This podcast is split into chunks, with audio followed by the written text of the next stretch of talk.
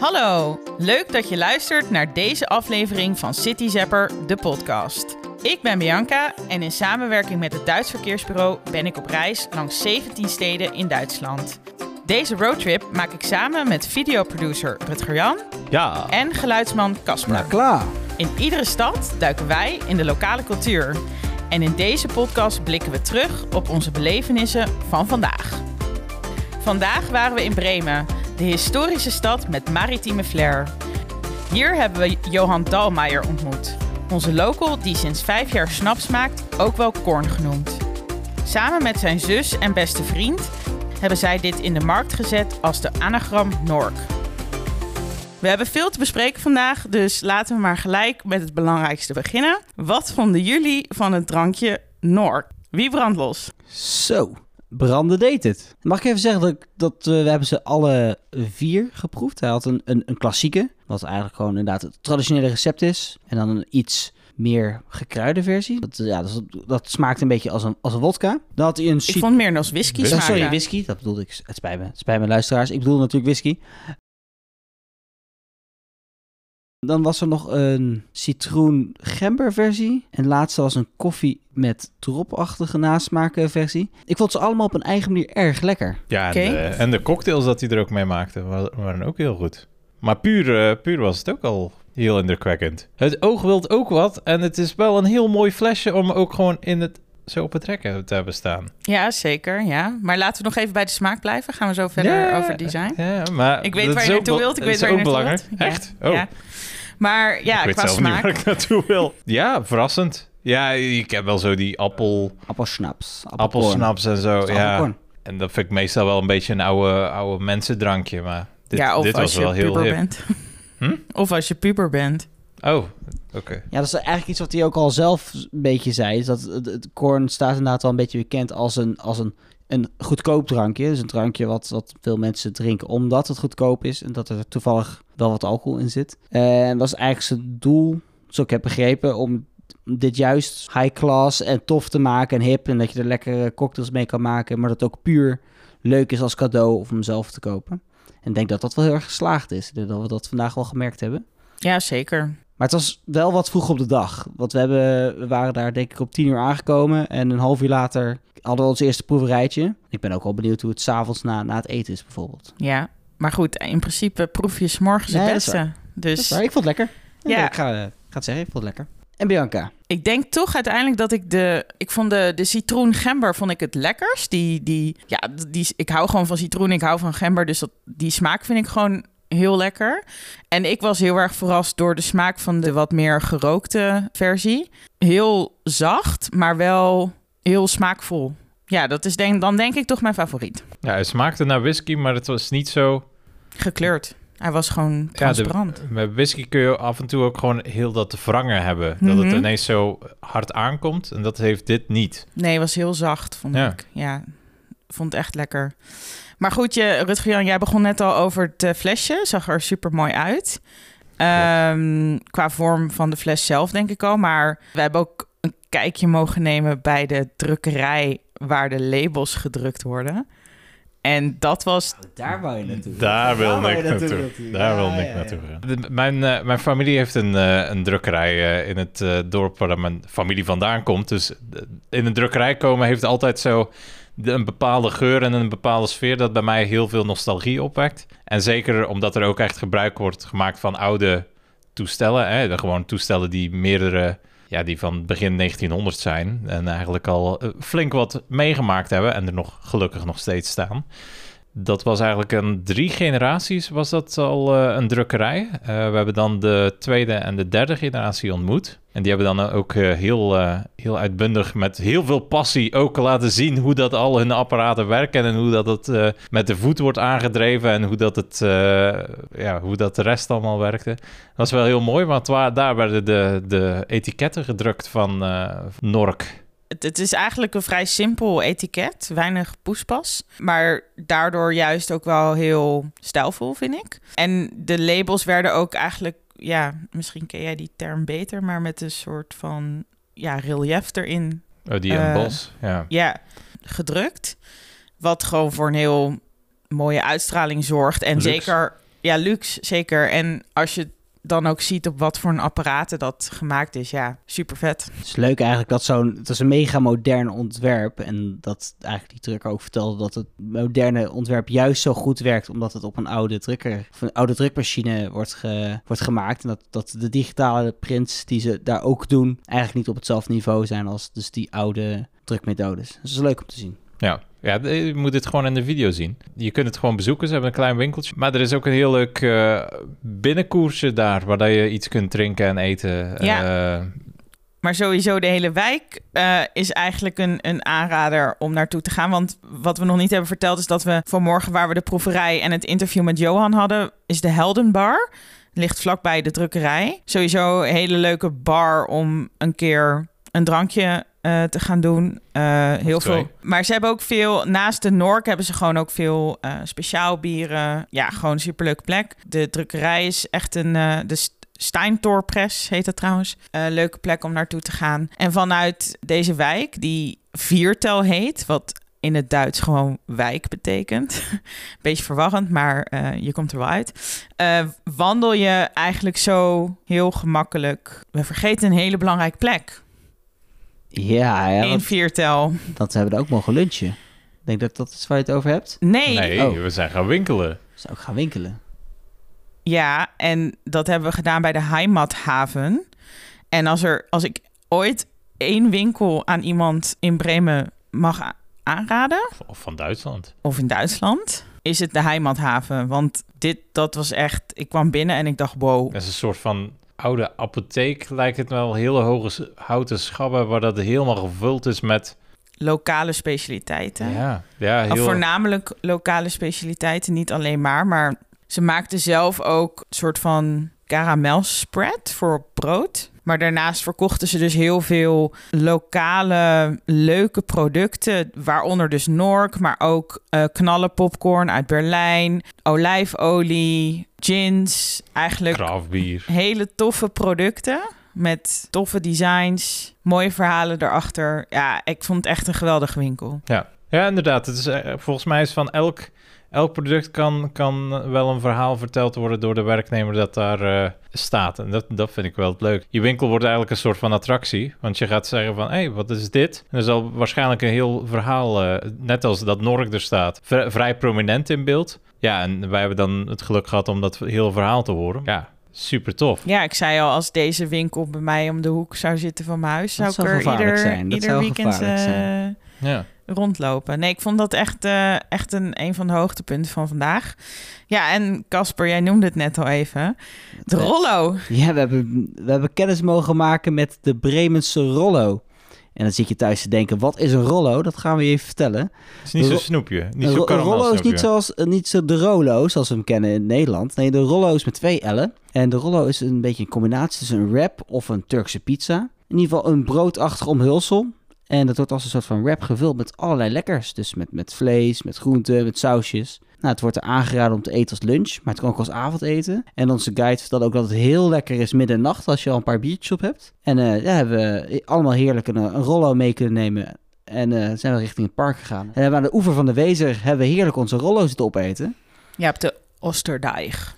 Vanuit daar zijn we eigenlijk dus de Altstad ingelopen. Dus eigenlijk nou, tien minuutjes lopen.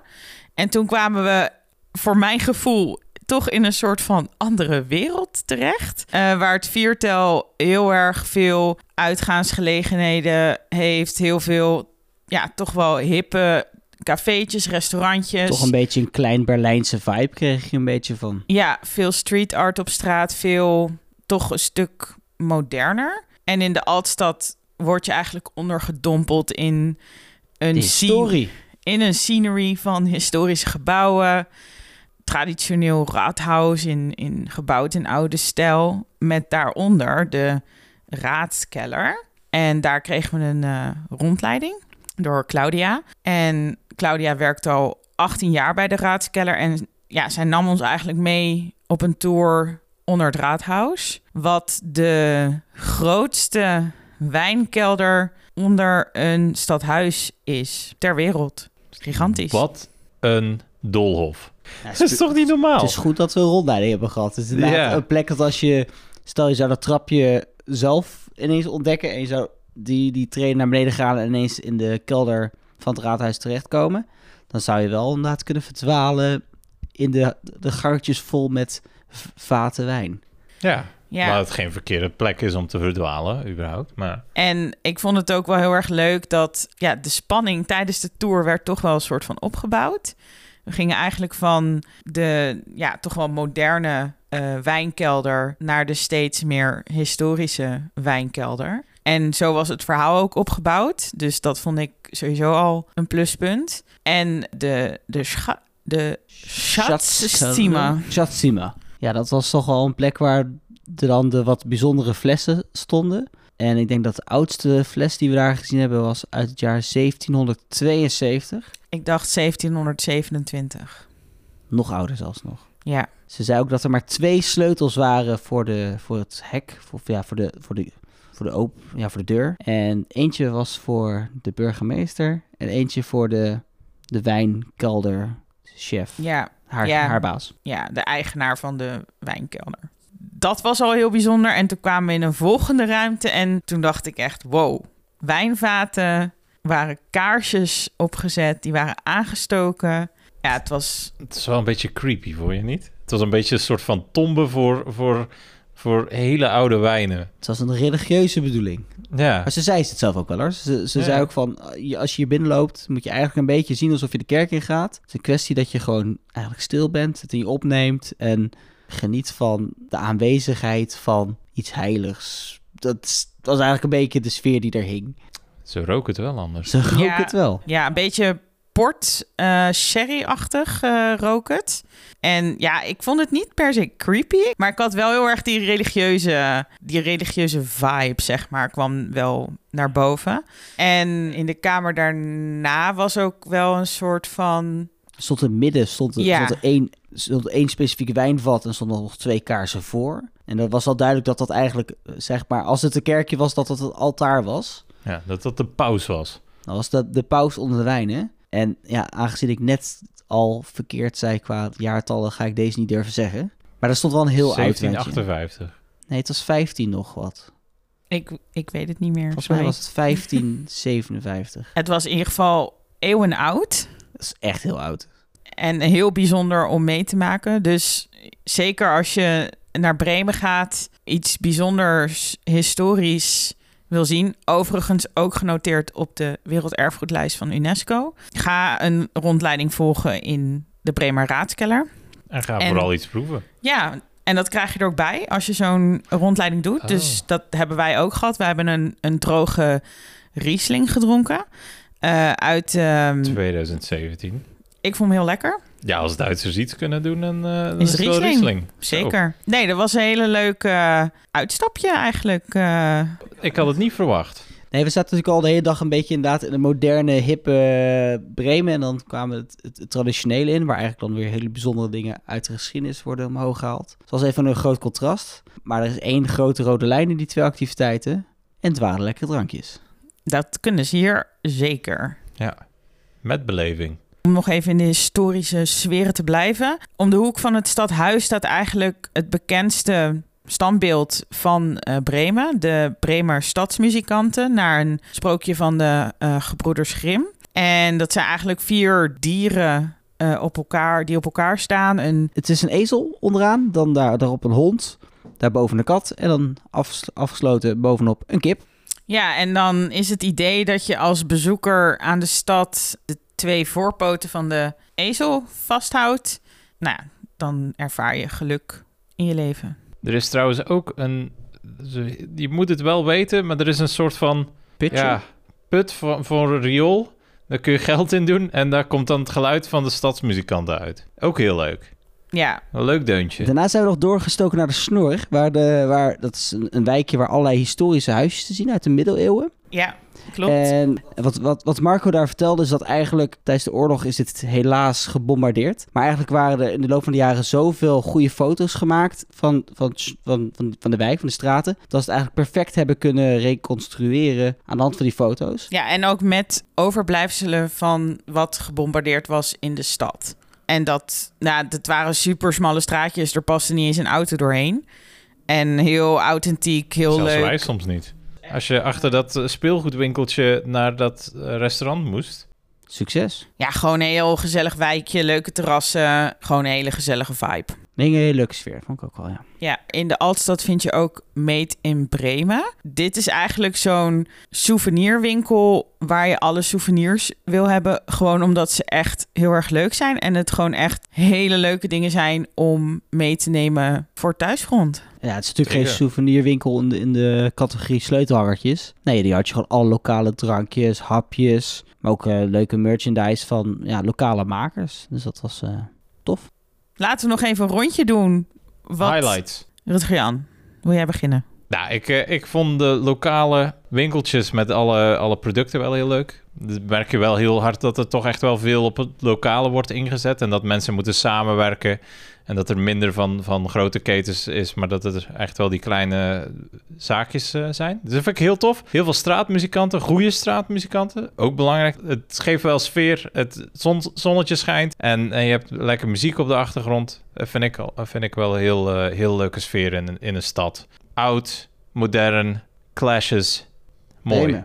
Punt. Casper. Ik vind het heel lastig om hier een hoogtepunt te zeggen. Omdat het gewoon eigenlijk van het begin tot, tot einde een hele leuke dag was. Het is gewoon één groot hoogte. We, hadden, we zaten natuurlijk op, op, op pad met, met twee lokale gasten die allebei heel veel over vertellen hadden. Dus dat is niet alleen dat alleen de gids wat te vertellen had, maar ook de local zelf. En ja, we hebben heerlijk genoten van, van, van de, de smaken van Bremen, maar ook van de uitzichten. Dus ik heb gewoon genoten.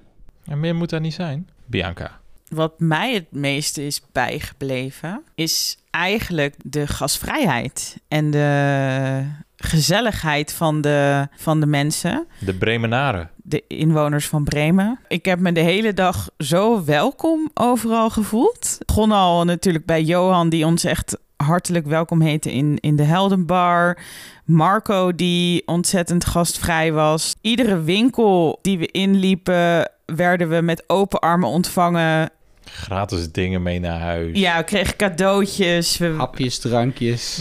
het was één groot feestje en iedereen vond het zo leuk dat we er waren. Dat wij interesse toonden om wat iedereen hier aan het doen was eh, vast te leggen. En je hebt natuurlijk als je een cameraman bij je hebt met een grote camera, dan trek je altijd de aandacht. En op sommige plekken is dat dan dat mensen of wegduiken of daar een beetje vreemd naar kijken. En hier had ik zoiets van: iedereen vond het leuk dat wij kwamen om hier deze stad op video vast te leggen. En ja, die gasvrijheid en die, die openheid, die, die is mij eigenlijk wel het meest bijgebleven van vandaag.